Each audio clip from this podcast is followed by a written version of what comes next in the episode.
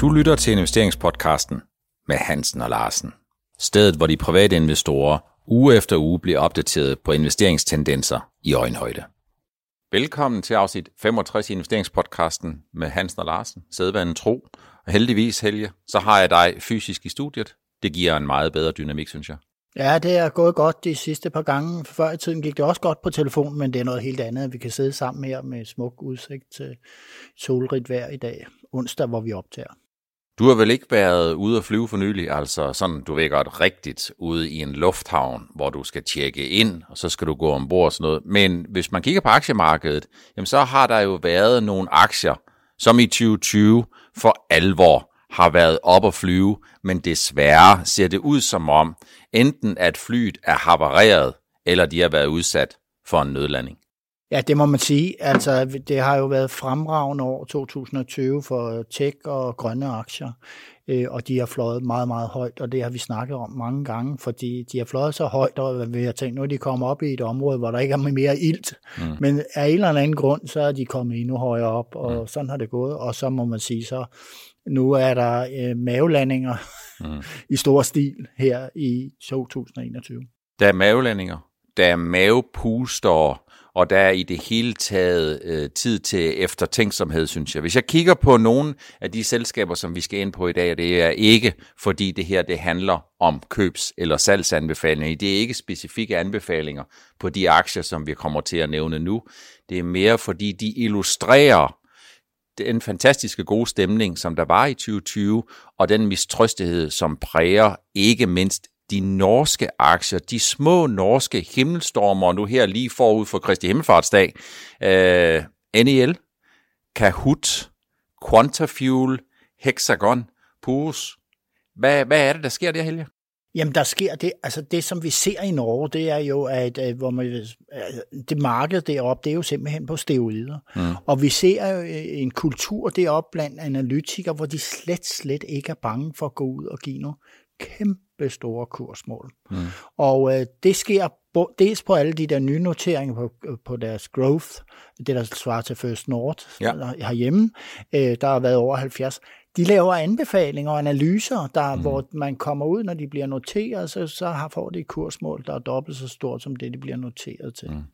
Og det er altså bare en kultur, der er deroppe. Så jeg vil sige, der bliver pisket stemning op omkring det, som, som gør, at de her aktier bliver endnu mere eksplosive mm. end det, vi ser i Danmark med Vestas og Ørsted og de her store, mm. øh, gode gamle firmaer. Ikke? Men altså i Norge går det, tager det helt af. Jeg synes, det er øh, en god anledning til endnu en gang at understrege noget af det, som vi snakkede om sidste sommer, da vi havde nogle tematiske udsendelser omkring brug og ikke mindst misbrug af kursmål. Lad nu være med for investorerne, og lad jer øh, snyde af, at der er nogen, der siger, at den her aktie, som ligger i 60 eller 80, den skal i 200. For husk nu på, kursmål, det er dannet på basis af en idealiseret verden, hvor alle de tænker det samme, om det samme på det samme tidspunkt. Så kursmål, det er ikke nogen facitliste. Kursmål, det er ikke noget, man skal købe ind efter. Kursmål er den enkelte investors idé om den enkelte aktie, omsat kvantitativt til et bestemt tal på papir. Det er fuldstændig rigtigt. Jeg bliver tit spurgt om, om hvad er dit kursmål på den og den lakseaktie eller sådan noget. Det opererer jeg jo slet ikke med. Nej. Jeg opererer simpelthen med, at det her selskab, det skal nok gøre det bedre næste kvartal, fordi der er de og de forudsætninger. Men det der med kursmålen, det må mm. jeg lade andre om. Øh, man ser en sjov ting omkring et selskab, der hedder Quantafuel, som vi også har snakket om nogle gange, som har været voldsomt hypet. Der ser man, at DNB Bank øh, øh, går ud øh, i det øjeblik, Quantafuel går på børsen, så går de ud med et gigantisk kursmål. Mm. Og nu her forleden dag, så har de sluppet øh, analysedækning på selskabet. Okay. Og det, det siger mig et eller andet, okay, hvorfor var I egentlig taget med, og vi lave analyse på det her selskab? Og så slipper jeg analysedækning uden nogen nærmere årsag. Mm. Og det viser lidt om, hvordan det norske marked er med hensyn til det. I den her uge, så er der jo sket lidt nogle ting, jeg har Øh, jeg øh, føler lidt lyst til at, at komme ind på lidt på Kahoot. Jeg kom jo lidt øh, for uvare, øh, kom lidt i bad standing for nogle uger siden, nogle måneder siden, da jeg kom til at stille spørgsmålstegn ved, om prisfastsættelsen i Kahoot, den svarede til de muligheder og de risici, der lå i aktien. Det var der rigtig mange, der var ked af. Jeg tror, der er rigtig mange, der har misforstået, hvad det egentlig øh, var, øh, som jeg øh, mente. Det var ikke et forsøg på at være sjov. Det var udelukket et forsøg på at stille spørgsmålstegn ved, at den her ukritiske måde at se på et selskab på, helt løsrevet fra prisfastsættelsen, om det nu også var et udtryk for øh, en fornuftig risiko- og afkastbalance. Og det vi har set siden, det har jo været, at aktiekursen den er halveret. Den er skåret over fuldstændig på midten, og der er total radiotavshed. Og det forstår jeg sådan set godt øh, fra dem, der sidder og kigger på den.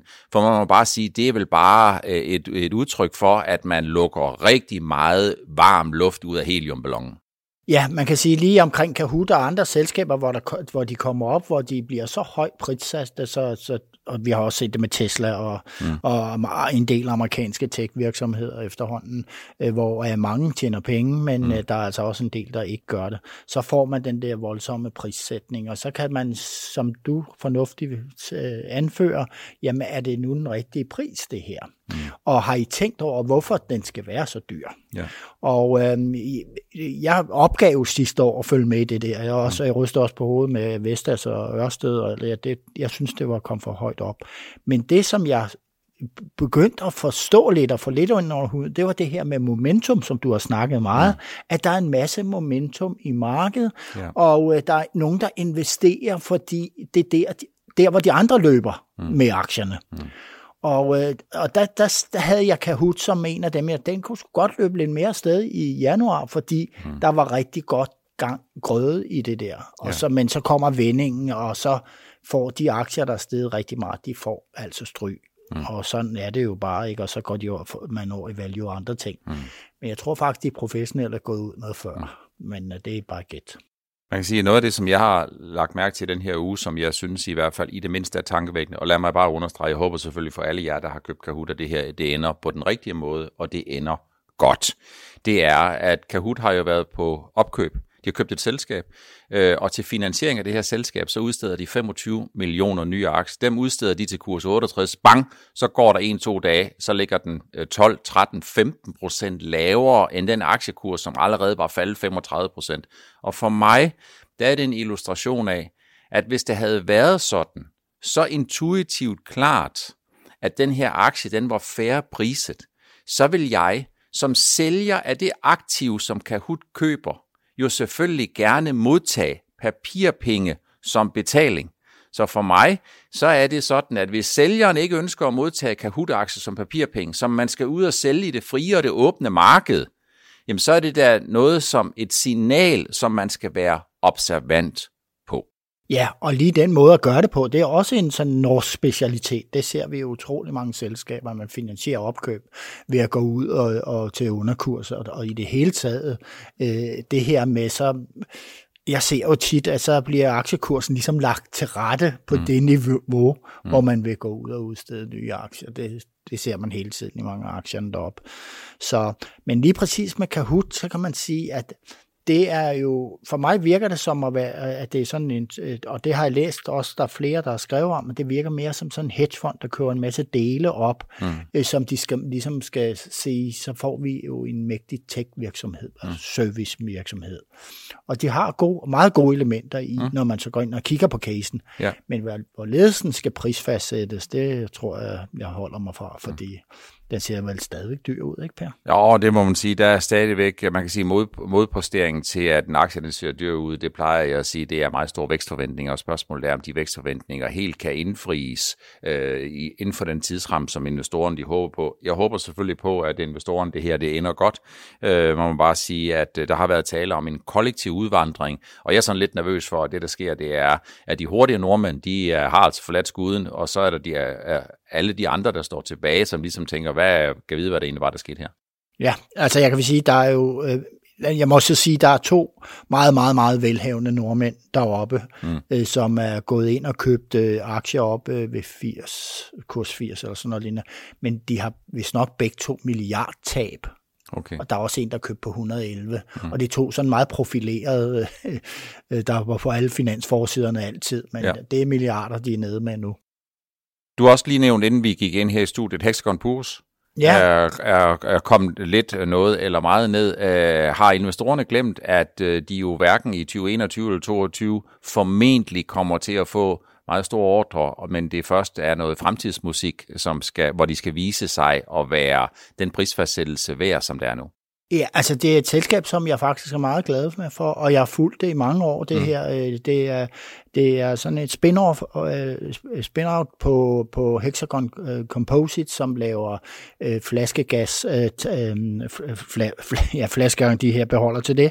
Og så laver de jo så tanke til, til, til brinter og laver til um, flydende, nej, til naturgas, til mm. biler og alt mm. muligt. Ja. De, de dygtigt gammelt industriselskab, der øh, ja. har, har tjener, tjener, tjener penge på bundlinjen, og der de valgte bare at skille brændt fra, øh, for, fordi at, øh, at de skulle ligesom have værdierne frem. Og det mm. fik de så også i starten, og så nu er det mere nede i et mere realistisk niveau.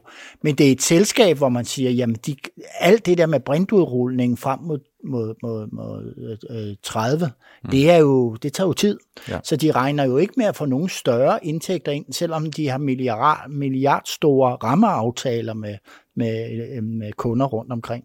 Men øh, fra 23 begynder at komme lidt penge i kassen, og mm. først fra 2025 mm. regner man med, at der kan være et overskud på bundlinjen, hvis mm. man er heldig, fordi sådan noget har det med at rulle ud. Men det er selskab med fremtid i, men øh, jeg tror, der er mange, der har købt sig ind i en fremtid, som de ikke var klar over lå meget langt frem.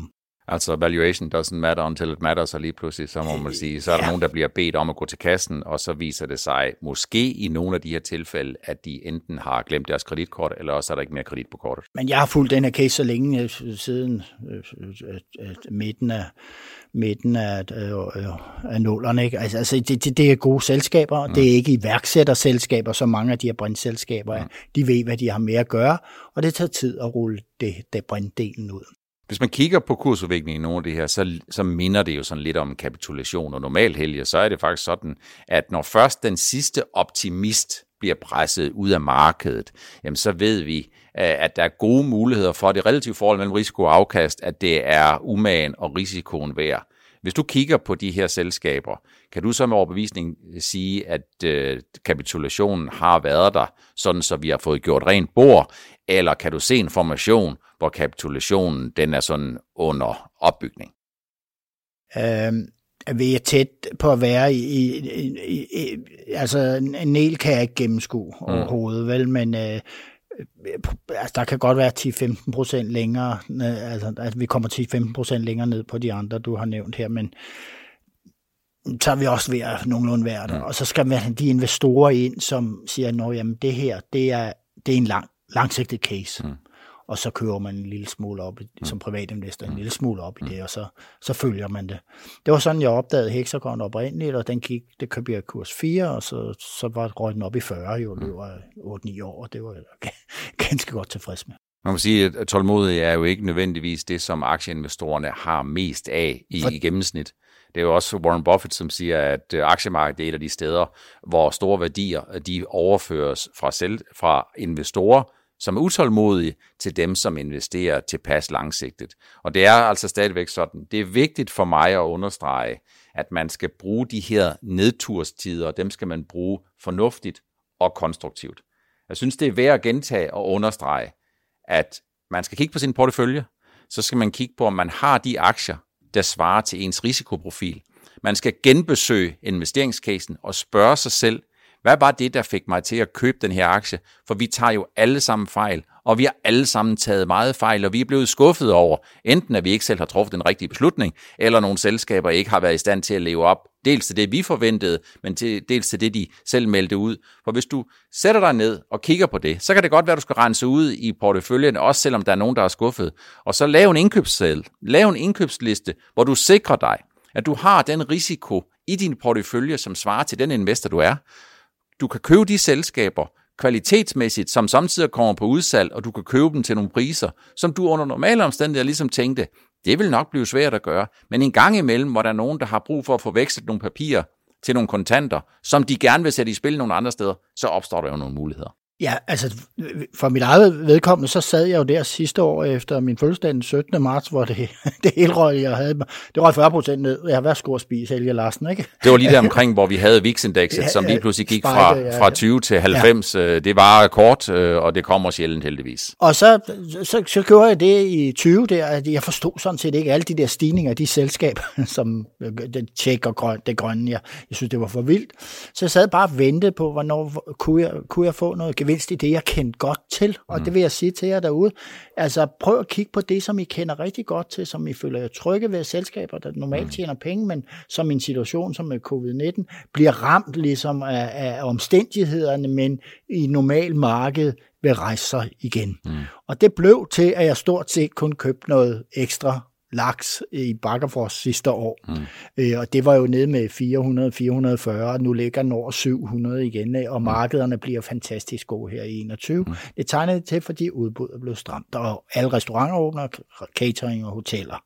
Så øh, det, det var, hvad jeg gjorde, og jeg gjorde det, jeg magtede. Og så mm. kan man sige, at du kan ikke klippe alle gevinsterne på det andet, men vi skulle nødt med kontofuel og alt muligt andet mm. i januar måned. Det må man bare sige, det har været en, en meget brutal nytur. Det er aktiemarkedet. Det er jo et sted, hvor den virkelige økonomi bliver ganget med en faktor 3-5, fordi du får risikopræmien, du får vores allesammens glæde og ambitioner, men også på senere tidspunkt frustrationer med ind over. Og risikopræmien, jamen det er altså en, der kan gå fra absolut ingenting til absolut alt for meget, og det er jo det, der får en indflydelse på aktien. Så brug nedturene konstruktivt, Kig efter, hvordan din portefølje den er sammensat, og sørg for at lave din indkøbsliste over selskaber, som du ønsker at købe, hvis de på et tidspunkt kommer på udsalg. Og det, det gælder faktisk meget, meget ofte. Vi har været inde på nogle gange, Helge, at nogle af de grønne, nogle af de store grønne, også har fået nogle ordentlige godyle klø. Ørsted mere end 30% ned fra øh, toppen øh, i starten af den her uge. Øh, Vestas også fået lidt nedtur. Der er vel sådan set ikke ændret noget overhovedet i den grønne omstilling. Vestas ligger måske bedst til, at de to prisfastsættelsen er ekstremt høj. Øh, de har gentaget deres forventninger om 16-17 milliarder euro i indtjening, 6-8% EBIT-margin. Det håber jeg, det kommer til at holde. Jeg håber selvfølgelig, at indtjeningen den kommer til at eksplodere opad de kommende år, for ellers er den alt, alt for dyr. Øh, Ørsted, vi har været inde på det, øh, jamen de er måske den af de to sværvægtere, som, hvor, som ser ind i et scenarie, som ser sværest ud, simpelthen fordi de store gamle energiselskaber, de vil bytte deres sorte nutid om med en grøn fremtid og investere hele deres cashflow i at bygge øh, parker, hvor de er ude og konkurrere med Ørsted. Så man må sige, Altså, jo lavere de går, jo øh, større er øh, mulighederne selvfølgelig for, at de bunder ud. Jeg tror faktisk personligt selv ikke, vi er så langt øh, fra bunden i for eksempel Ørsted. Deler du den opfattelse? Ja, det kan jeg godt fornemme. Der kommer, der kommer et tid, en tid øh, før alle de her olieselskaber ligesom kommer op mm. i gear for alvor. Nu så har de jo travlt med at skumme fløden på en stigende oliepris, og mm. så ser man jo efterspørgselen efter olie. Den ligger jo dæmpet øh, øh, stadig på grund af covid over mm. hele verden, ja. ikke? og der er ikke så mange flyvemaskiner i gang og alt muligt andet, så de går jo og venter på, at der kommer et pres, efterspørgselspres, øget efterspørgselspres, mm. og når det kommer, så kan de skumme fløden og få et stort cashflow, og så vil de sætte endnu mere gang i de grønne investeringer, og så ja. kan vi jo så se, hvordan Ørsted klarer sig i den konkurrence til den tid, det mm. bliver måske først sidste år, og så næste år, det, man ser konturerne til, til de store øh, øh, øh transformationer fra mm sort til, til grøn energi i de mm. enkelte selskaber. For mig ser der ikke nogen tvivl om, at den grønne omstilling den kører videre med 500 km i timen. Det, det ændrer det her overhovedet ikke på. Vi har sagt det, vi har gentaget det ufattelig mange gange. Men husk nu på, at valuation doesn't matter until it matters, som lige pludselig så er der nogen, der går hen til kasseapparatet, og hvis ikke de har mere kredit på kreditkortet, eller de ikke øh, har øh, flere penge, i, eller øh, har glemt kreditkortet derhjemme, jamen så er der nogen, der lige pludselig bliver bedt om at stå til regnskab for, om dette eller hint, om det nu også er udtryk for den rigtige pris. Og så har vi jo den udfordring, øh, som er en udfordring, når kurserne kører ned, at det der momentum, det, det vægter begge veje. Så momentum opad, det er på købsknappen, og momentum nedad, det er på salgsknappen. Ja, altså man har for som regel nogle længerevarende stigninger, og så bliver faldene meget hurtige og brutale. Ja. Inflation, Helge, prisstigninger centralbankpolitik osv. osv. Det er noget, der bobler. Det er et tema, der bobler lidt under overfladen. Så en gang imellem, så kommer det op til overfladen. De amerikanske 10-årige renter stiger 5, 10, 15 basispunkter. Så er hele verden at lave. Vækstaktierne, de får ind på tuden. De grønne aktier, de får ind på tuden, for når man skal til at diskontere 2028 forventet indtjening tilbage med en højere rente, så går det lidt ud over det. Så går det lidt i sig selv igen. Det virker som om, at selve debatten og temaet omkring øh, forestående prisstigninger, den er lidt under ophedning igen, men det er ikke sådan for alvor noget, vi kan se, der forplanter sig igen i de 10-årige amerikanske renter, hvor jeg ville forvente, at hvis det var sådan, man umiddelbart står for, at inflationen den stikker afsted, så vil investorerne reagere og så sende de 10-årige amerikanske renter mod to igen. Det er jo ikke det, vi har set. Nej, det her, vi ser nu, det er sådan ligesom en sommerfugl, der basker med vingerne i den ene ende af verden. Ikke? Mm. Altså, øh, og jeg kan også fornemme, at der ligger noget boble, og jeg tror faktisk, det næste halvårs tid eller år, så vil, vi, så vil vi kigge meget på det her med inflationen, fordi uanset hvor jeg vender og drejer mig i relation til det, jeg selv har at gøre med, med, med erhverv, så er prisstigninger over en bred kamp. Råvarer, serviceydelser og alt, hvad vi importerer osv., det, det, det stiger i pris. Og øh, vi kan se, hvis vi går til metaller, øh, kår, hvordan det er voldsomt oppe. Mm. Og er der noget, jeg er nervøs for, det er jo, hvis først alt det her, når det her slår igennem, så kan vi godt sende regningen videre. Det, det gør man jo i stor stil i alle former for erhverv.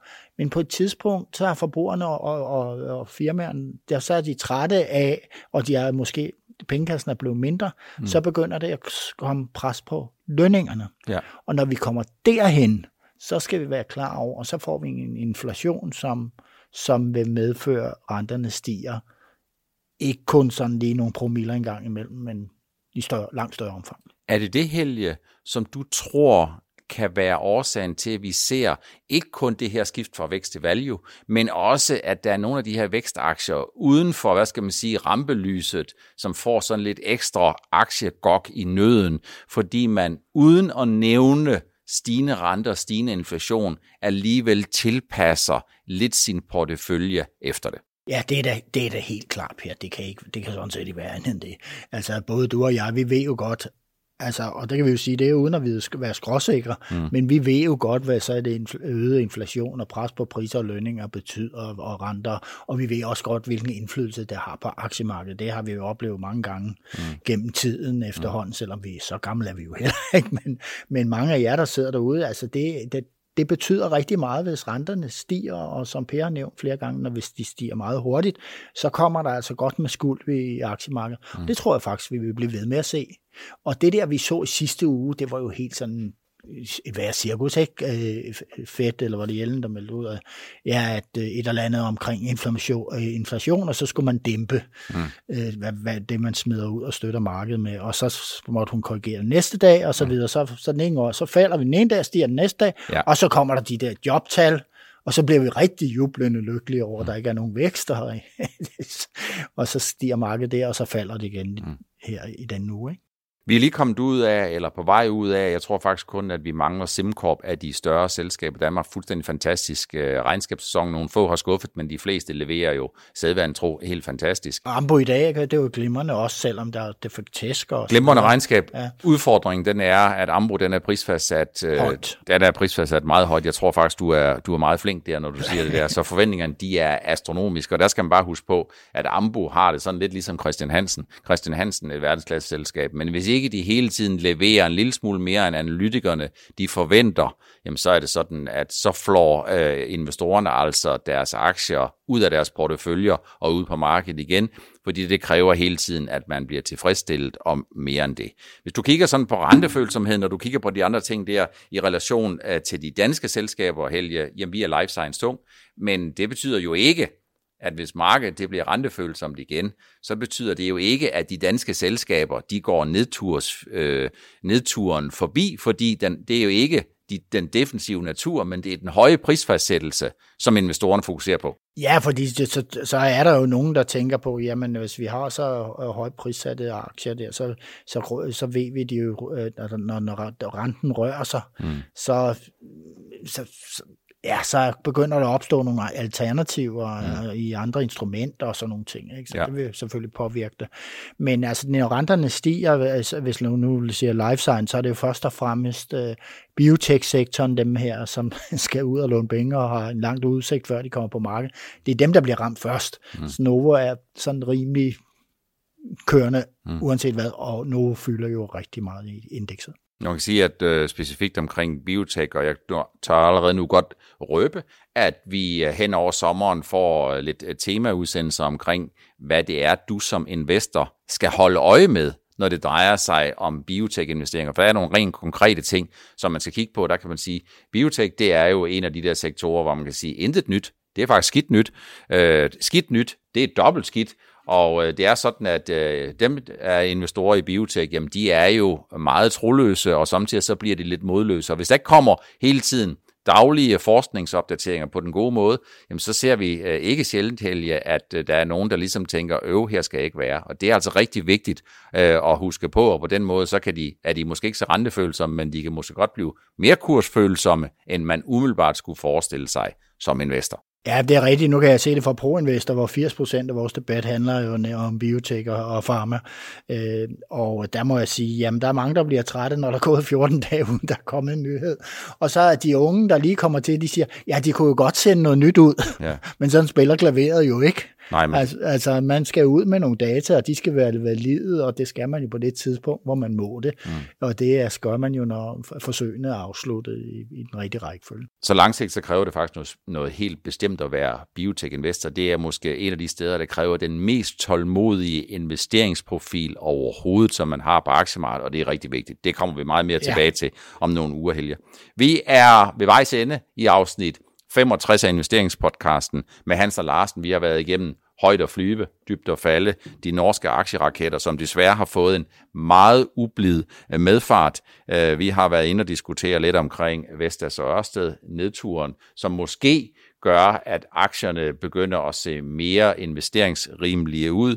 Og sidst men ikke mindst, jamen så er det også sådan, at det er ved at holde øje med, hvordan inflationsdebatten den udvikler sig. For hvis den øh, blusser mere op, end den gør aktuelt, så betyder det noget for investorernes lyst til at købe obligationer. Det betyder noget for de 10-årige amerikanske renter, som igen kan sætte sig i prisfastsættelsen og måske gøre, at vækst og de grønne aktier, som er højt prissat, og hvor indtjeningsforventningerne de ligger langt ud i fremtiden, at de stadigvæk kan gå lidt en urolig tid i møde. Så der er god grund til fortsat at holde øje med, med flere forskellige ting på aktiemarkedet.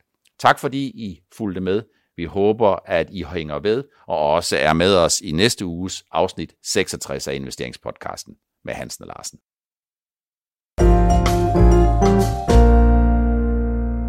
Du lyttede til Investeringspodcasten med Hansen og Larsen. Vi ses igen i næste uge.